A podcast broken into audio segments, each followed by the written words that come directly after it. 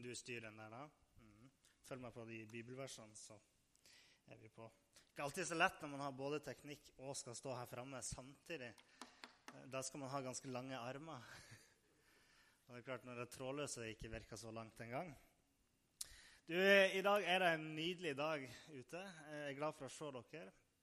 Eh, vi skal venne oss til Johannesevangeliet, kapittel 7. Eh, det var som i den sangen som vi sang her i stad, at, at, alle er velkommen eh, til Jesus. Så, så der skal vi eh, kanskje ikke snakke så mye om akkurat det å få lov til å komme til Jesus, men vi skal snakke om Jesus og hvem han var, og hva det vil si å kjenne han.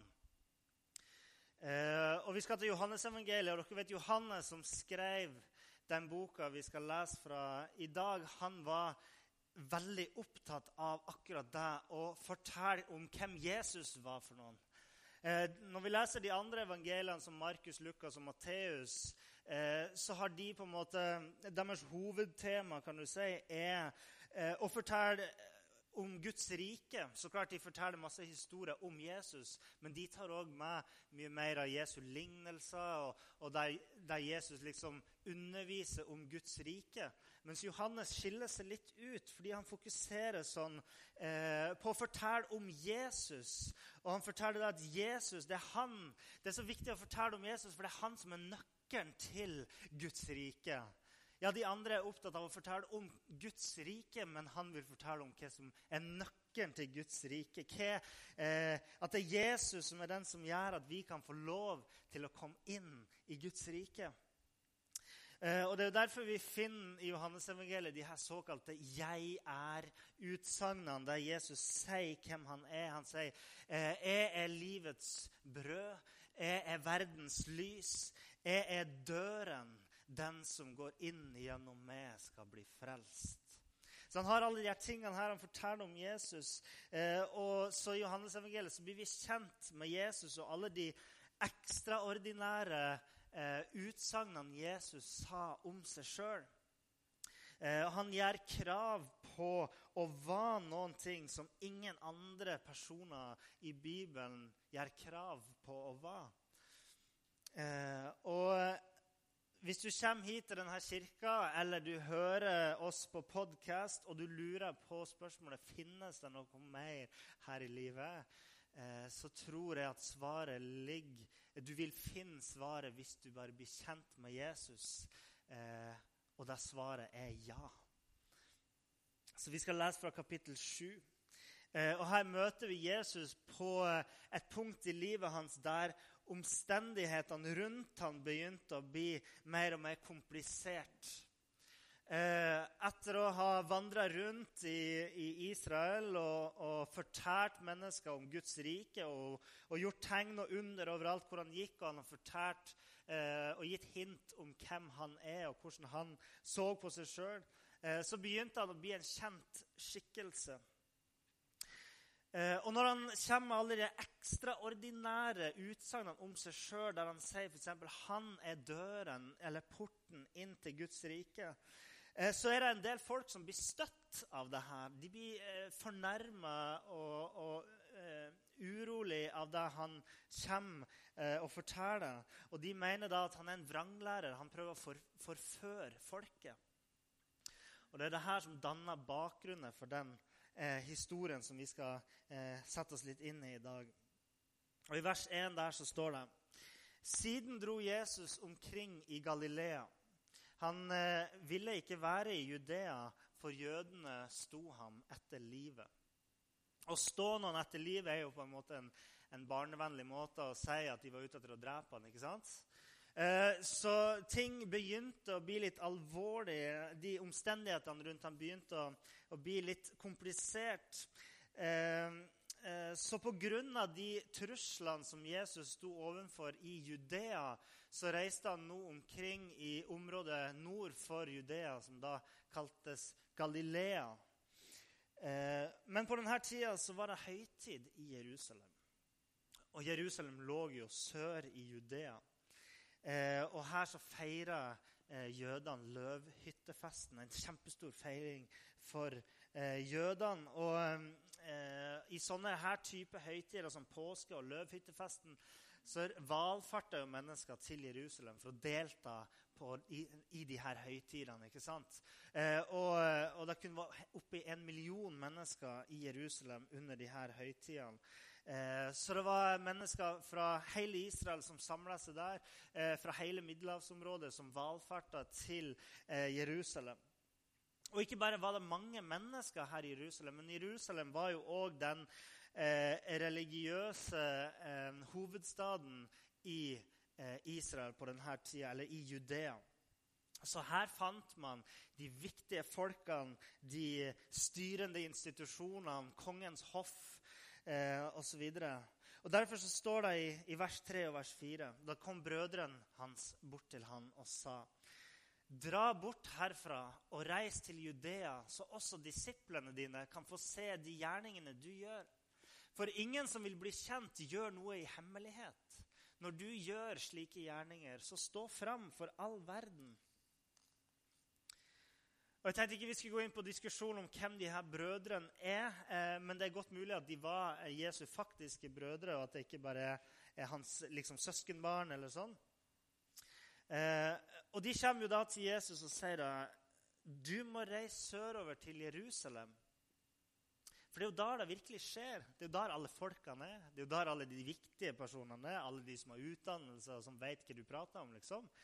Eh, og sant, Galilea, der han gikk nå Han gikk jo der for å, bli, for å unngå å bli tatt av, eh, av fariseerne. Og, eh, og, Galilea var jo et område fullt av mindre byer og landsbygd og sånn, litt som øyer. ikke sant? Eh, og Eh, sånn at Hvis Jesus ikke har noen ting å skjule, og hvis han utfører de her miraklene som de hadde sett at han utførte, så hvorfor vil han ikke reise til Jerusalem i høytida, der så mange som en million mennesker kunne liksom få se han og høre han og se hans mirakel? Eh, og, og, så står det da òg at, eh, at disiplene skulle få se han i Jerusalem. Og Det høres jo kanskje litt rart ut. For i utgangspunktet så tenker man jo om Jesus at han hadde tolv eh, disipler som fulgte han overalt, og, og det var de disiplene han hadde. liksom. Men han hadde egentlig mange andre disipler som ikke var i denne indre kjernen, som fulgte han hele tida overalt. Så det er ikke de her nærmeste tolv disiplene det er snakk om her, de som var i Jerusalem. Eh, men det er faktisk snakk om disipler som hadde slutta å følge Jesus. Som hadde dratt til Jerusalem sjøl om Jesus ikke var der. De som hadde vendt han ryggen. Eh, og Vi skal komme tilbake til det her, men litt tidligere så leser vi i kapittel 6 at det var mange disipler som vendte seg bort fra Jesus. Eh, og, og, det er de disiplene som vi leser om i kapittel 6, som det refereres til her. Så det virker jo som at brødrene til Jesus prøver å gi ham et godt råd. ikke sant? Reis ned dit der det er masse folk. Ønsker du å nå masse folk, stikk ned til Israel, nei, til Jerusalem, liksom, skaff en Instagram-konto og, og, alt det der, så når du ut til folk. Eh, men det er det som står i neste vers, eh, som er allerede på skjermen, som får meg til å sette litt spørsmålstegn ved det forrige der, ja, som får meg til å stille spørsmålstegn ved motivet deres. For her står det, og det var noe som Johannes ville understreke om brødrene på dette tidspunktet, at de trodde ikke på ham. Det vil si, De trodde jo på de gjerningene og de miraklene han gjorde, for det hadde de jo sett. Og det sier de jo sjøl. 'Du gjør jo sånne ting. Hvorfor reiser du ikke ned dit da, og viser deg?' Så de trodde jo på miraklene. Men de trodde ikke at han var Guds sønn. De trodde ikke på alle de her ekstraordinære tingene han sa om seg sjøl, det han gjorde krav på og var. Og Sånn er det jo med mange mennesker i dag òg. Eh, mennesker sier ikke sant, ja, jeg tror nå at Jesus har levd, og jeg tror jo åpen, Han hadde jo åpenbart masse bra å komme. Liksom, masse bra lære og og god moral. ikke sant? Men, men, han var jo ikke noe mer enn det. Vi må se bort ifra de her miraklene. Men så er det jo andre igjen som da kjenner den levende Jesus. eh, og som vet at han er noe mye større enn deg. Og Det er ikke troen på at Jesus har eksistert en gang i historien. Det er ikke det som, som frelser oss eller som redder oss. Men det er troen på at han var den han sa at han var. Det er troen på at Jesus snakka sant. Og det er det å ta til seg det som er, er å tro på Jesus. Så det er det her som gjør at det dukker opp noen spørsmål om motivet til brødrene. Hvorfor ville de sende han ned der? Hvorfor ville de ikke at han skulle dra ned til Jerusalem hvis de ikke trodde på det han sa om seg sjøl? Visste de ikke at hadde ikke, de, altså virkelig, hadde ikke de fått med seg at folk var ute etter å ta ham? Det hadde skjedd flere ganger at uh, de jødiske religiøse lederne hadde prøvd å få fatt i han, og hadde prøvd å få tatt livet av han på dette tidspunktet.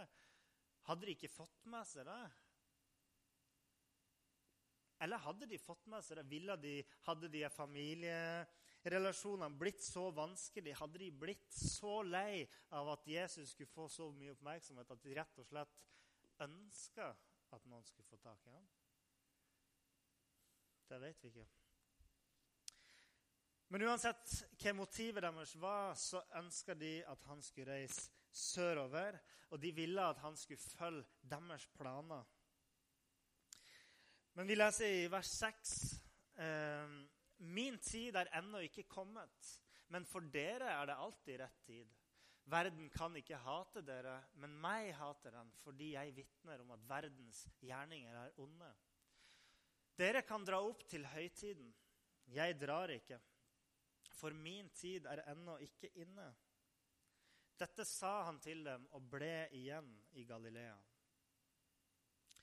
Så Jesus han reiste ikke sammen med brødrene sine fordi han sa at hans tid var ennå ikke inne. Jesus visste noen ting som brødrene hans ikke visste. Det var ikke Guds vilje at Jesus skulle reise på det tidspunktet. Og Jesus han visste det. Han fulgte ikke verdens begjær etter storhet og liksom kjendisstatus og de her tingene her. Men han fulgte Guds vilje. Og Jesus visste det fordi han kjente Gud. Så visste han det. Tida er ikke inne for at noen skal få tak i meg ennå. Tida for at jeg skal dø, har ikke kommet. Og brødrene de kunne gjøre som de vil. De kjente ikke Gud, de kjente ikke Guds planer. De var ikke bundet av det. Hadde de kjent Guds vilje, så hadde de ikke kommet å spurt om Jesus ville dra. Men de, de kjente ikke Guds vilje. Det de ser, er ikke det samme som det Jesus ser. Han ser en, en dypere virkelighet. Og Her tror vi òg har noe å lære. Når de her brødrene så Jesus så så de bare et menneske. De så sin bror. Han gjorde noen kule ting, men det var der de så et menneske. Og når de så på det de tenkte hva er smart for Jesus å gjøre, så tenkte de bare sine egne tanker om hvordan han kunne oppnå status og innflytelse så raskt som mulig på best mulig måte. ikke sant? Hvis de virkelig ønska han godt med, med det å reise til Jerusalem. Men Jesus han var jo mer enn et menneske. Han kjente Guds hjerte, og han kjente Guds planer. Og Guds hjerte og Guds planer er ikke de samme som vi mennesker har. Gud han opererer ikke fra de verdslige begjær sånn som vi er. Og Det tar meg til mitt neste poeng, om du vil. Nemlig hva som førte til at de her disiplene som jeg nevnte i stad, de som slutta å følge han, hvorfor de slutta å følge Jesus. I teksten vi leste her nå i stad, der står det Verden kan ikke hate dere, men meg hater den fordi jeg vitner om at verdens gjerninger er onde. Og Hvis vi går tilbake til kapittel 6 Dere trenger ikke å slå det opp, for vi skal ikke lese så mye fra det, men, men der står det i hvert fall fra vers 22 og, og, utover hele den talen som Jesus holder for en, en hel haug med folk, masse disipler, Eh, og, og, den talen som da gjorde at mange vendte seg bort fra han og slutta å følge han. Det som skjer i, i den talen, er at Jesus forteller dem sannheten. Ja, Det høres jo ikke så ille ut. Hvorfor skal de slutte å, å følge ham pga. det? Men han fortalte dem sannheten, og det var en sannhet som ikke klødde de i øret. ikke sant? Det var ikke ting som de hadde lyst å høre. Han snakka ikke bare om kjærlighet og at alt var godt og, og liksom leve akkurat sånn som du alltid har gjort. Eh, fordi Hadde han gjort det, da ville de ha holdt ut med han. Hvis budskapet hans hadde vært jeg har kommet hit fra Gud for å si at alt er greit, alt er perfekt, alt er OK, ikke noe utsett her, så kjempebra, fortsett med det. Så jeg skal ikke plage dere mer. Takk for meg. Hei, hei. Da, da hadde folk kommet til å fortsette å følge han. Fordi det er behagelig, ikke sant? Ah, shit, så digg å høre at jeg gjør det bra. Konge. Sant? Men Jesus han kom med sannheten. Og sannheten er at verdens gjerninger er ond. Alt som ikke er av Gud, alt som ikke er av eller for eller til Gud, til hans ære, ting som ikke er godt, det er onde gjerninger. Ting som ikke tjener til vår og til Guds hensikt. Og de folkene som fulgte Jesus, de som vendte han ryggen, de hadde egentlig bare lyst til å høre et godt budskap om kjærlighet, og de hadde lyst til å oppleve mirakel og se gode gjerninger. Men når Jesus da konfronterer dem med den harde virkelighet, sånn som ting er Det er en grunn til at jeg er her for å hjelpe dere, og det er fordi ting er ødelagt. Det er fordi dere trenger hjelp. Dere trenger å vende om. Det var ting som var for tøft for noen av de å høre. Det ble for utfordrende. Og Jeg skal ikke dra noen veldig sterke paralleller, men jeg opplever eh, i dag at i en del sekulære land der Kirken tidligere har stått sterkt, men som ikke lenger står så sterkt, eh, der den ikke er enerådende lenger, så ser vi noen ting av det her. Så lenge Kirka kommer med et hyggelig budskap som ikke utfordrer eh, majoritetsopinion i befolkninga, så er det greit. Men hvis Kirka utfordrer og står for noe som skiller seg ut fra resten, fra majoriteten, som gjør at vi på noen som helst måte blir utfordra, eller får oss til å føle oss ubekvem, eller får oss til å tenke at kanskje jeg må endre på noen ting, da er det ikke greit lenger. Men så lenge de ikke gjør det, så lenge de bare snakker om kjærlighet, at så lenge de kun siterer 1. Korinterbrev 13 Hvis de kun bruker det, så er det greit. Da kan vi, da kan vi holde ut med kirka. De kan få drive på. Men Jesus kom ikke for å si at alt er greit. Han kom for å si at vi trenger frelse. Det er noe vi trenger å reddes fra, og den redninga, den finner vi i Jesus.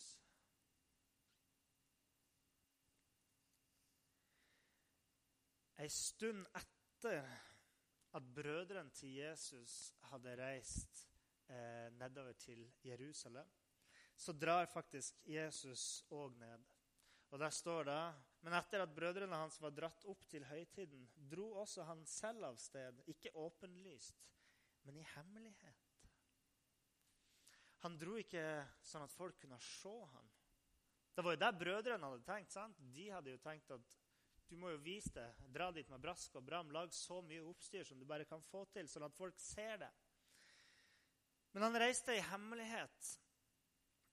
Og husk hva han sa litt tidligere. Min tid er ennå ikke kommet. Tiden var ikke inne. sant? Tida var ikke inne for at han skulle gjøre seg kjent som kongenes konge. På palmesøndag eh, en stund senere, neste gang han reiste til Jerusalem, så rei han inn i byen som en konge. Eh, på, og folk la ned palmegreiene foran han, eh, og, og, det ble kjent hvem han var. Da var tida inne. Men nå reiste han dit i hemmelighet. Eh, fordi at Han eh, visste at tida for hans død skulle ikke være nå. og Derfor så ønska han ikke at alle skulle vite at han, han, reiste dit. Han fulgte ikke menneskelige tanker og planer, men han fulgte, fulgte Guds plan. Og så står det fra vers 11 Jødene lette etter ham under festen og spurte hvor er han Og det var mye snakk om ham blant folk. Noen sa han er et godt menneske. Nei, han fører folket vill, sa andre. Men ingen snakket åpent om ham, for de var redde for jødene. Og Med jødene her så er det snakk om de religiøse autoritetene og, og spesifikt fariserene som var ute etter å ta ham. Eh, og Det vi ser her, det er jo at ordet om Jesus hadde spredt seg til Jerusalem. Ikke, at, eh, ikke ordet om at han var på vei, men ordet om, eh, om, han som person og de tingene han hadde gjort når han hadde reist rundt, og de tingene han hadde sagt, hadde spredt seg til storbyen. Eh, og sannsynligvis så var det nok mange der som forventa at Jesus kom til å komme hit. Eller kom til Jerusalem. På samme måte som brødrene hadde jo foreslått det, at det var lurt for han å reise dit. Og Hvis han virkelig var en sånn stor lærer, så er det jo taktisk smart å reise til Jerusalem hvis man ønsker å spre budskapet om, eh, eh om man, den læreren man har. Eh, så de som var ute etter å drepe han, de gikk rundt og lette etter han i fall han skulle komme til byen eh, i denne høytida. Og Samtidig så ser vi jo også her hvordan folk var splitta i synet på Jesus. sant? Eh, noen de liksom snakka med hverandre og Ja, nei eh, Jeg syns han er en ganske fin type. Jeg synes han, De tingene han sier, det er liksom greit. Mens andre var nei. Nei, nei, nei, nei, han er helt, uh, han er helt gal. Altså, han, nei, altså, han, han helbreda på, på sabbaten, liksom. Og nei. Så folk var veldig sånn, de diskuterte, ikke sant? akkurat som vi diskuterer når vi eh, F.eks. politikere eller hva det skulle være for noen ting. Uh, men, men, det som er tingen her, folket de var, de var interessert i hvem Jesus var. De var interessert i, i, i hans identitet. Og Derfor så, så snakka de sammen om det her. De diskuterte med hverandre. Hvem, hvem mener du at han er? Hva synes du om han? Og folk sa ikke sant, ja, jeg hører at han har helbreda sykdommer, mens de andre sa ja, men jeg har hørt at han helbreda på sabbaten, så det er jo ikke lov. ikke sant? Som jeg sa i stad, det er de her, de her, denne splittelsen. Folk var uenige om hvem han var. Så hva gjør da Jesus når han kommer inn i Jerusalem? Jo, han går til tempelet og underviser. Allerede som tolvåring så uh, gikk jo Jesus til uh, Tolvåringer er jo vanligvis ikke sånn at de belærer voksne, men allerede som tolvåring så reiste han til en synagoge og underviste de skriftlærde eh, som hadde studert Bibelen hele livet sitt. så vi, vi, vet at Jesus han underviste ofte i synagogen. Og så han, her så er det første gangen han da underviser i tempelet. Eh, og, og, han underviser der, og så står det Jødene undret seg og sa Hvordan kan han ha slik kunnskap, han som ikke har fått noen opplæring? Her kom en tømmermann fra bygda uten å ha gått på skole og reise til storbyen og undervise med så mye kunnskap og visdom at folket ikke skjønner hva som er greien her. Hvordan er det mulig at han kan undervise med all denne kunnskapen? Vanligvis ville jo en tømrer fra, fra Nasaret kanskje ikke kunne lese engang.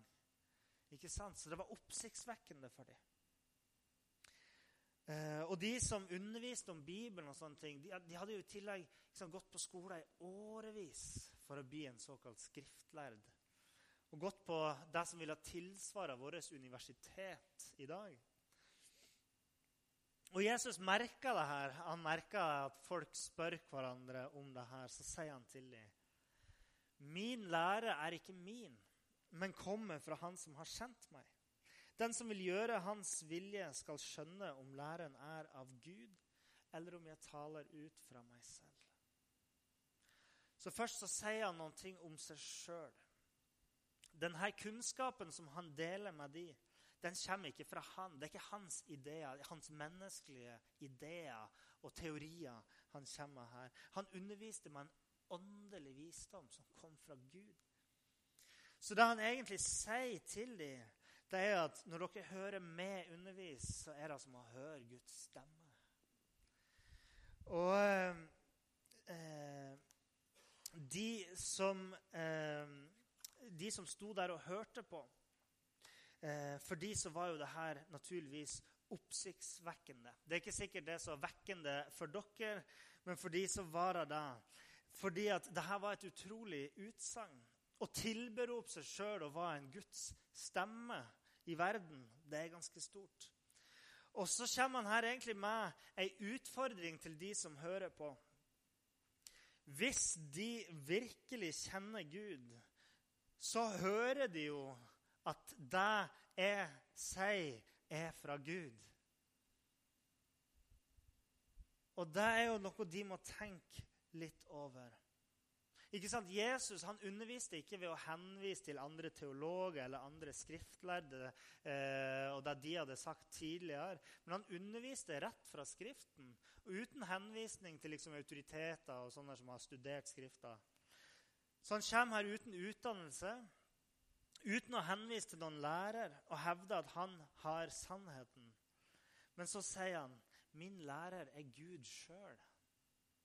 Og hvis Gud har undervist det, så vet du òg i ditt hjerte at det jeg sier, er sant. Men så påpeker jo Jesus at ingen av de her som står og hører på, eh, følger loven. Han kritiserer fariseerne, og, og, Jesus han fortsetter i vers 18. Eh, den som taler ut fra seg selv, søker sin egen ære. Men den som søker ære for den som har kjent ham, eh, eh, den som søker ære for, den som har kjent ham, taler sant, og det finnes ikke urett hos ham. Så Her kritiserer han fariserene og de som tilhørte det her religiøse partiet om du vil, i Israel på den tida. Det var de som ønska å få han drept. ikke sant? Og de underviste fra seg sjøl, ikke fra Gud. De leste Skriften uten å kjenne Gud. Så de teoretiserte eh, ut ifra sine egne tanker og sin egen forståelse av Guds ord. Men Jesus han underviste fra Gud, hvilket betyr at Jesus snakka sant. Det var hans argument her. Han hadde ikke den egeninteressen som preger oss mennesker, om å gjøre oss sjøl stor. Han var ute etter å gjøre Gud stor. Og fordi Jesus med sin undervisning visste at han var ute etter å, eh, å fremheve Gud, eh, så beviste det at han var lojal mot Gud. Når Jesus da viser at hans undervisning ikke har noe liksom, for seg for hans egen del, så er det òg et bevis for at det her er fra Gud. Eh, sånn argumenterte Jesus foran de her folkene. Eh, men fariserene som sto her og hørte på, de var kun lojale mot seg sjøl. Fordi at de ønska å rydde av veien de som ikke støtta deres sak og deres lære. Så Jesus går ett hakk lenger, og han konfronterer dem. Har ikke Jesus gitt dere loven, sier han til dem. Men ingen av dere følger loven. Hvorfor vil dere da drepe meg? De her Fariseerne hadde jo tidligere beskyldt Jesus for å ikke overholde loven som Moses hadde fått fra Gud. Det var, en lov som fariseerne sjøl mente at de overholdte. Men så påpeker jo Jesus at det er ingen av de som holder loven. De truer jo med å drepe han. Det er et ganske stort brudd på den loven som de utga seg for å følge. Så hvorfor mente de at de kunne bryte loven, men ikke Jesus? Vel, Sannheten var jo det at Jesus hadde aldri gjort noe, galt. Han hadde aldri brutt loven. Det de beskyldte ham for, var jo å helbrede noen på sabbaten. Men det var jo ikke noe gærent. Det var ingen synd. Og Når folket hører Jesus si det her, så begynner noen å tro at han er gal. Tenk, husk her, I Jerusalem her er det masse folk fra overalt. Mange folk har ikke fått med seg de her tingene som har skjedd med fariseerne og med Jesus, at de var ute å ta og sånn. Så noen, noen folk sier det. Du har en ond ånd i deg. Hvem er det vel som vil drepe deg? Du er paranoid, mann. Fariserene jo, de visste jo at han snakka sant om at de ønska å se han dø. Og Flere ganger så hadde de forsøkt å få han drept, men de hadde ikke lykkes. Eh, men så er det òg noen, noen, folk her som tenker, som ikke helt forstår sant, hvem er det som er ute etter det. Det er en veldig rar ting å si. ikke sant? Eh, og så Jesus han bare overser han, han, får det helt sikkert med seg, som han har fått med seg de andre tingene som foregår i folkemengden. Men han overser det her. Og så fortsetter han eh, og, og tar, tar, et gir til, liksom. Går opp et hakk. Og han sier i vers 22 Moses har gitt dere omskjærelsen. Han snakker til fariseerne her i, i denne konfrontasjonen. Moses har gitt dere omskjærelsen. Den er egentlig ikke fra Moses, men fra fedrene. Og dere omskjærer også på sabbaten. Når et menneske blir omskåret på en sabbat for at ikke Moseloven skal bli brutt, hvordan kan dere da bli sinte på meg fordi jeg gjorde hele mannen frisk på en sabbat? Sånn, Fariserene praktiserte omskjærelse på sabbaten. Eh, noen vil jo si at eh, omskjærelsen hadde noen eh, eh helsemessige fordeler fordi man fjerna fordelen. Ehm, så man kan si at på en måte så innebar det her en form for fysisk, om ikke helbredelse, så i hvert fall en form for renselse. Og Omskjærelsen skulle skje åtte dager etter at en gutt hadde blitt født. Og naturlig nok så havna jo denne åttende dagen iblant på sabbaten, helligdagen, da man ikke skulle gjøre noe og ikke gjøre noe arbeid. Ehm, så sjøl om man ikke skulle bryte loven om sabbaten, man skulle holde helligdagen hellig, ikke sant? men så utførte de likevel omskjærelsen på sabbaten for at man skulle følge den andre loven om at guttebarnet skulle omskjæres den åttende dag. Men hvis de kunne utføre denne lille renselsen på sabbaten, hva var da problemet med at Jesus gjorde en mann helt frisk? Det er det Jesus spør. Når er det en synd å redde et liv? Vers 24.: Døm ikke etter det dere ser, døm heller rettferdig. Fariseerne var ute etter å finne feil ved Jesus. Fordi de tingene han sa, utfordra deres gudsbilde. Det utfordra deres posisjon. Og det utfordra deres måte å leve på. De hadde ikke tenkt å bare stå der og gjøre ingenting, mens Jesus gikk fritt rundt og sådde tvil i folket eh, eh, om de svarene som fariseerne eh, liksom hadde på alle spørsmål om Gud og om Skriften om loven. Nei, De så på Jesus som et problem som måtte elimineres. Det var det her fariseerne så når de så Jesus. Et problem en kritiker av det som var etablert. En uh, opprører. Og det var noe de frykta. Og Derfor så leter de etter hver eneste lille ting som de kunne vri i sin favør, sånn at de kunne dømme han. De prøvde ikke å dømme rettferdig. De prøvde å dømme han etter sine egne selviske ambisjoner. Men Jesus han kom med en sannhet. Han kom med sannheten, og iblant så kan den sannheten ja, den kan faktisk svi. Vi har alle kjent på ubehaget ved å bli konfrontert ved at vi gjør noe feil. Om det er mamma eller pappa, eller om det er på skolen eller om det er på jobben. Men vi alle har vært der. Og vi har sikkert alle ulike måter å ta kritikken på.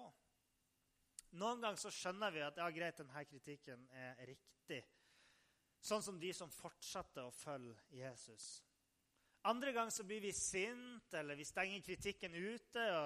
Sånn som de som venter han ryggen. Jeg gidder ikke å høre på det her. Dette trenger jeg ikke akkurat nå. Men Jesus han var på et oppdrag fra Gud å dele sannheten med verden.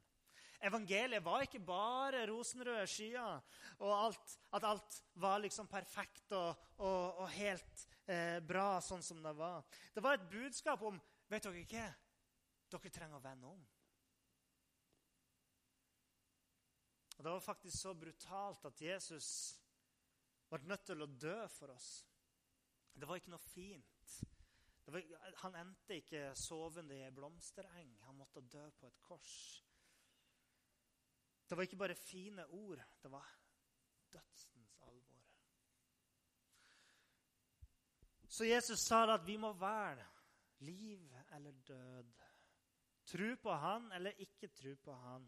Følg han eller ikke følg han. Det er ikke noe midt imellom. Du kan ikke bare stenge ørene og si 'Jeg bryr meg ikke'. Det er et valg her med konsekvenser om man liker det eller ei. Men vet dere ikke? Hvis man virkelig kjenner Jesus, så blir dette budskapet plutselig ikke så hardt og vanskelig lenger. Fordi når man kjenner Jesus, så vil man se da at dette er et kjærlig budskap. Du kan bare ta neste bilde.